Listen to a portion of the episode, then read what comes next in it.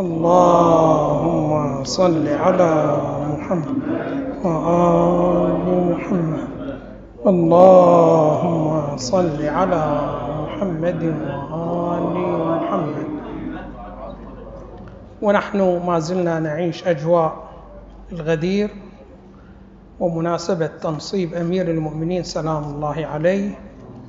فلا بأس أن نتكلم في هذه الفقرة حول معرفة الإمام سلام الله عليه.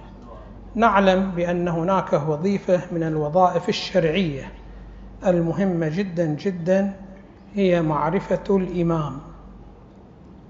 كما قال النبي صلى الله عليه وآله من مات ولم يعرف إمام زمانه فقد مات ميتة جاهلية. لماذا مات ميتة جاهلية؟ باعتبار أن الإمام هو الدال على الله سبحانه وتعالى. فإن الإمام يبين الوظائف التي يريدها الله سبحانه وتعالى من العبد. فإذا لم يتعرف الإنسان على الإمام ولم يتعرف على الوظائف التي يدعو الإمام لها فقد مات هو ومن مات في الجاهلية بنحو واحد. فالذي يفرق الإنسان المؤمن عن الجاهلي ما هو؟ هو عدم معرفة الله سبحانه وتعالى.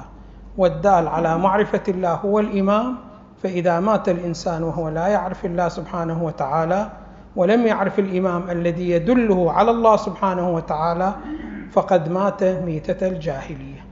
فإذا وظيفة من الوظائف الشرعية التي تتوجه لنا جميعا هي معرفة الإمام. كيف تتحقق معرفة الإمام؟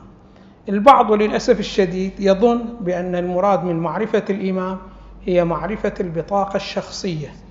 فمثلا تعرف الإمام من خلال معرفة أبيه ومن خلال معرفة أمه وإخوانه وإلى آخره ما يرتبط بالبطاقة الشخصية. نحن لا نقول أن هذه المعرفة ليست معرفة مهمة هي شنو ماذا مهمة ولكن أن يقتصر الإنسان عليها فما عمل شيء. مثل شخص من الأشخاص الآن يصعد السيارة ليتمكن من الوصول إلى مستشفى السلمانية ليزور المريض. فلو فرضنا بأنه ذهب بالسيارة إلى هناك وهناك لم يزور المريض.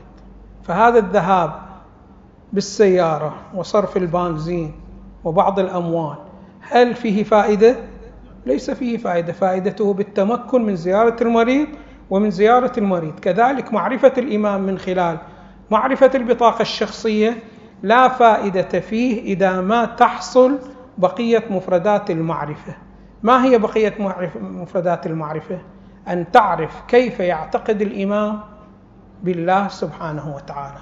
تعلمون بأن المسلمين اختلفوا في معرفة الله سبحانه وتعالى. اختلاف جدا متباعد. فالإنسان إذا ما استعان بمعرفة الإمام لله سبحانه وتعالى فلن يتعرف عليه.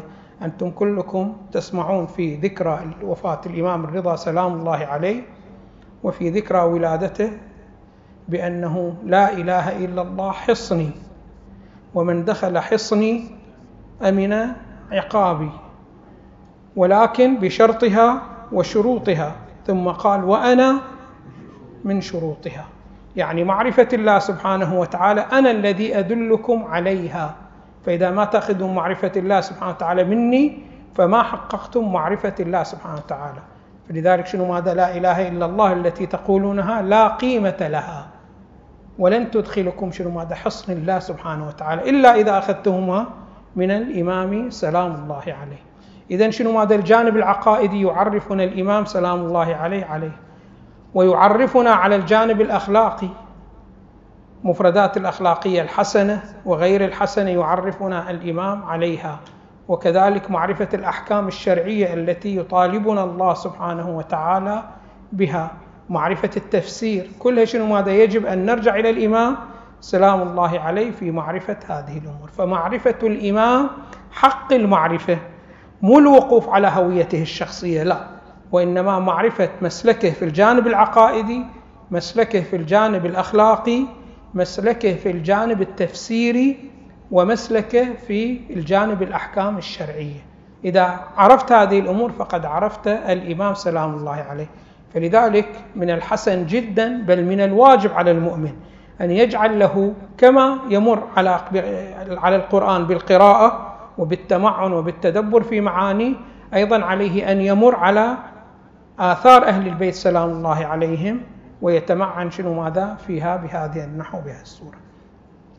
تعلمون بأنه عدم معرفة الإمام المعرفة التي تناسبه والتي تليق به سببت لنا مشاكل والمشاكل للأسف الشديد نحن نتداولها بيننا ولا نلتفت إلى هذه المشاكل تشير إلى أي انحراف.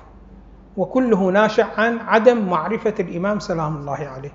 شوفوا الآن إحنا عندنا فيما يرتبط بأمير المؤمنين سلام الله عليه وعدم معرفته ننسب إليه بعض التصرفات. تصرفات هي لا تليق بالإمام بما هو إمام. والسبب عدم التفاتنا إلى شخصية الإمام وعدم معرفتنا والتوقف عند شخصية الإمام سلام الله عليه. تقريبا أكثر المسلمين ينسبون إلى أمير المؤمنين سلام الله عليه ثلاث صفات. ثلاث صفات يمكن شنو ما دهم أكثر. وهي من الصفات التي لا تتناسب مع أمير المؤمنين سلام الله عليه، وطبعا هذا لم تتعرض له فقط شخصية أمير المؤمنين لا، وإنما شخصية النبي صلى الله عليه وآله أيضا نسبت لها كثير من الأمور التي لا تتناسب وشخصية النبي صلى الله عليه وآله. ولذلك الإمام الصادق سلام الله عليه يقول لأحد أصحابه: مهما ظننتم في رسول الله فلا تظنوا أنه خالف القرآن. فإنه كان خلقه القرآن. هذا النبي صلى الله عليه وسلم أمير المؤمنين سلام الله عليه أيضا بهذه الصورة. نحن ننسب إليه كثير من الأمور وعلى رأس هذه الأمور ثلاث مفردات. أنا راح شنو هذا أتكلم حولها. المفردة الأولى أنه ينسب لأمير المؤمنين أنه يرى أن المرأة وجود ناقص. هذه المفردة الأولى. المفردة الثانية أن أمير المؤمنين يرى أن أهل البصرة ناقصون. الأمر الثالث أنه يرى أهل الكوفة أو أهل العراق شنو ماذا؟ ناقصون. فهو شنو ماذا؟ يذم المرأة ويذم أهل البصرة ويذم شنو ماذا؟ أهل الكوفة. وما يحتاج شنو ماذا؟ أتوقف عند العبارات التي يستند إليها في هذا الأمر. فمثلا عندك شنو ماذا؟ في مسألة ما يرتبط بالمرأة. المرأة ناقصة عقل. المرأة حظها ناقص وإيمانها أيضا شنو ماذا؟ ناقص. فقال هكذا بأنه من حيث العقول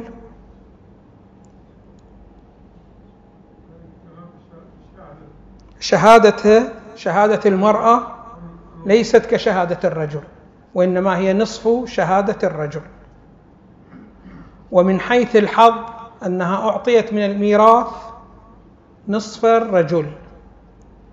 ومن حيث العبادة والإيمان سقطت عنها الصلاة في النفاس وفي العادة الشهرية وسقط عنها الصيام أيضا.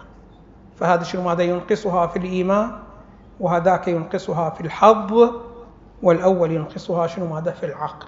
فهي وجود ناقص. هذه نسبة أن أمير المؤمنين سلام الله عليه يرى بأن المرأة ناقصة هذا شنو ماذا أمير المؤمنين سلام الله عليه يحترم كل مخلوقات الله سبحانه وتعالى.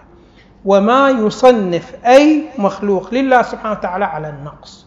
لماذا؟ لأن المخلوقات بحكم أنها متعددة لابد أنها متمايزة. ولأنها متمايزة اختلفت وظائفها.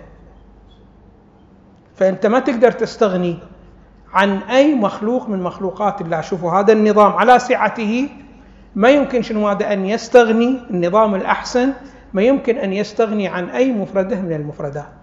فأنت ما تستطيع أن تستغني عن الشمس وما تستطيع أن تستغني عن القمر. النظام ما يكون هو شنو ماذا الأحسن.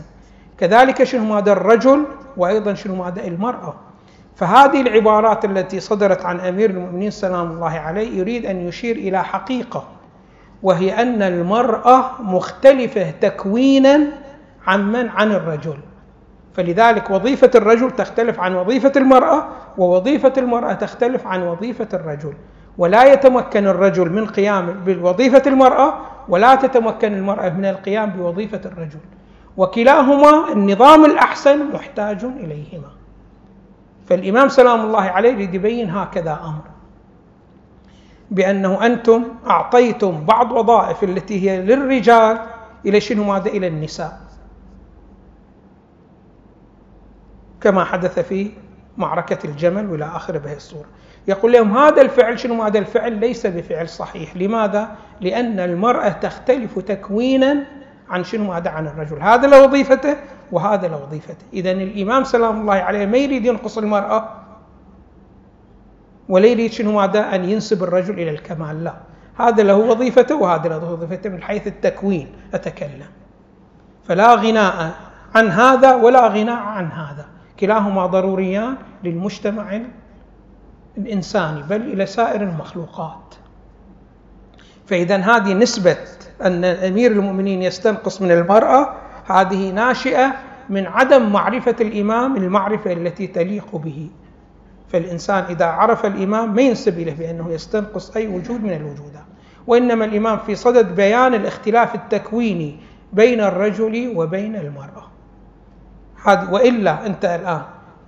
عادة الإنسان إذا أردت أن تعاتبه على نقص من النقوص في شخصيته لا بد أن يكون هذا النقص باختياره.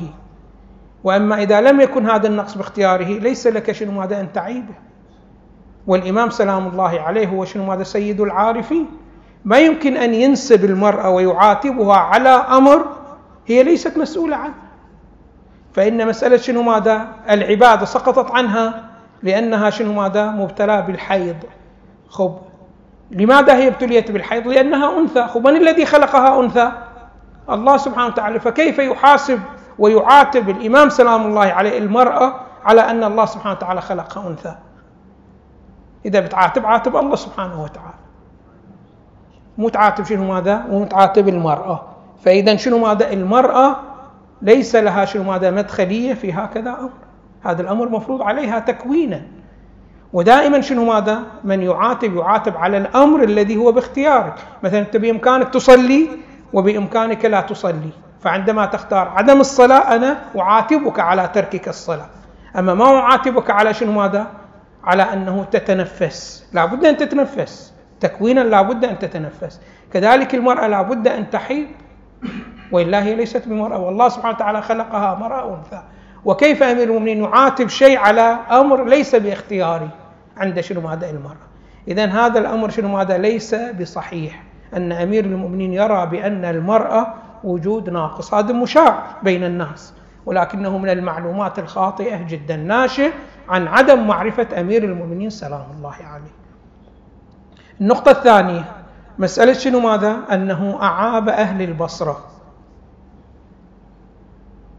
أمير المؤمنين سلام الله عليه عندما أعاب أهل البصرة لم يعبهم إلا على معصية وقت الابتلاء بها عابهم عليها فقط. أما وقت قبل أن يبتلوا بهذه المعصية ما كان يعيبهم. وكذلك المجتمع الذي يأتي بعدهم ويسكن البصرة أيضا شنو ماذا؟ ليس مسؤول عن هكذا الأمر عن هكذا. أمر المسؤول عن هذا أمر هو شنو ماذا فقط الذي ابتلي به. وإذا تراجع عنه فبلا إشكال الإمام سلام الله عليه شنو ماذا؟ ما يعيبه. وخذ شنو ماذا؟ صدرت من عنده عبارات يعني للأسف الشديد كلمات التي صدرت من أمير المؤمنين سلام الله عليه في مدح أهل البصرة أضعاف مضاعفة بالنسبة للكلمات التي صدرت ماذا؟ في ذمهم. فإذا عندما ذم أهل البصرة لأنه هو خلقه القرآن.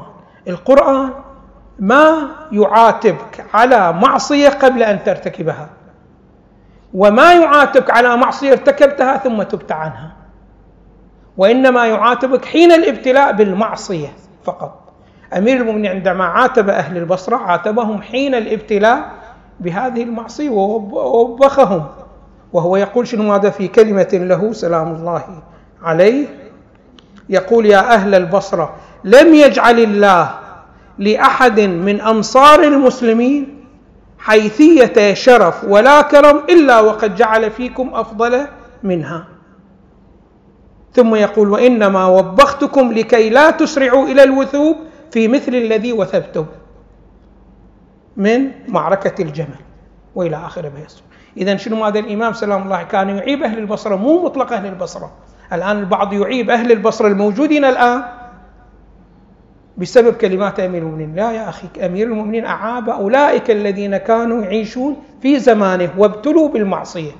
فلم يعاتب الذين عاشوا قبل ولا يعاتب الذين بعد كما أنه لا يعاتب الذين شنو ماذا تابوا. وهناك الكثير من الكلمات صدرت عن أمير المؤمنين في هذا المجال. الآن شنو ماذا؟ ما يسع. وأما المفردة شنو ماذا؟ الثالثة. مسألة شنو ماذا؟ أهل الكوفة. أي ما شاء الله بعد. البعض شنو ماذا؟ يتمسك. يا أهل العراق يا أهل كذا وكذا وإلى آخره إلى يومك هذا ويمشي هي العبارة فيهم. هذا شنو ماذا؟ ليس من الصحيح. فإنه شنو ماذا؟ عندما قال قال هذه العبارة. متى قالها هذه العبارة؟ قال هذه العبارة شوفوا. أمير المؤمنين عندما نصب يعني عندما اختير بعد مقتل الخليفة الثالث نصب أراد هو كان الوالي على الكوفة كان أبو موسى الأشعري. وكان أمير المؤمنين سلام الله عليه يريد شنو هذا يستبدله بمالك بن الأشتر. ولكن مالك قال له الآن الكلمة متحدة عليه في الكوفة فما أرى من المناسب أن تكون شنو ماذا الآن؟ ترفع وتشتر عن شنو ماذا عن؟ ولاية الكوفة وإلى آخره هذا أبو موسى الأشعري كان مخالف مع شنو ماذا؟ مع أمير المؤمنين ومجموعة من أهل الكوفة أيضا شنو ماذا؟ خالفوا أمير المؤمنين تبعا لأبو موسى الأشعري بهي الصورة. طبعا ما رفع ما عزله الإمام سلام الله عليه في الابتداء. فعلى أي حال البعض شنو ما توقف عن نصرة أمير المؤمنين وما خرج وما نصره في معركته في الجمل. واضح شلون؟ فكان شنو ماذا علي بن أبي طالب عنده بعض العتاب إلى شنو ماذا إلى أهل الكوفة الذين كانوا مبتلون بالتقصير في ذلك الزمان أما مو الكل. وإلا له عبارات كثيرة في مدح أهل الكوفة. ما صدرت مثل هذه العبارات يمدح بها شنو ماذا الآخرين. هو يقول فنعم الإخوان يشير إلى أهل الكوفة فنعم الإخوان والأعوان على الحق أنتم يشير إلى أهل الكوفة. ونعلم بأن أهل الكوفة ما قصروا في حرب صفين في نصرة أمير المؤمنين. كذلك لم يقصروا شنو ماذا؟ في غزوة الجمل. فإذا شنو ماذا؟ هذه نسبة. هذه الأفعال إلى أمير المؤمنين وأنه يستنقص الآخرين هذا الأمر شنو ماذا؟ ليس من الأمور الصحيحة وإنما أعابهم وقت ابتلاءهم بالمعصية. فإذا تابوا فإنه يرجع عن عيبه لهم وكذلك قبل أن يبتلوا بهذه المعصية ما كان عليه السلام شنو ماذا يعيبه. فعلينا بالتعرف على الإمام حق المعرفة حتى نعرف ما هي الأفعال وما هي الأعمال التي تليق به وما هي الأعمال التي لا تليق به. والحمد لله رب العالمين وصلى الله على محمد وآله الطيبين الطاهرين.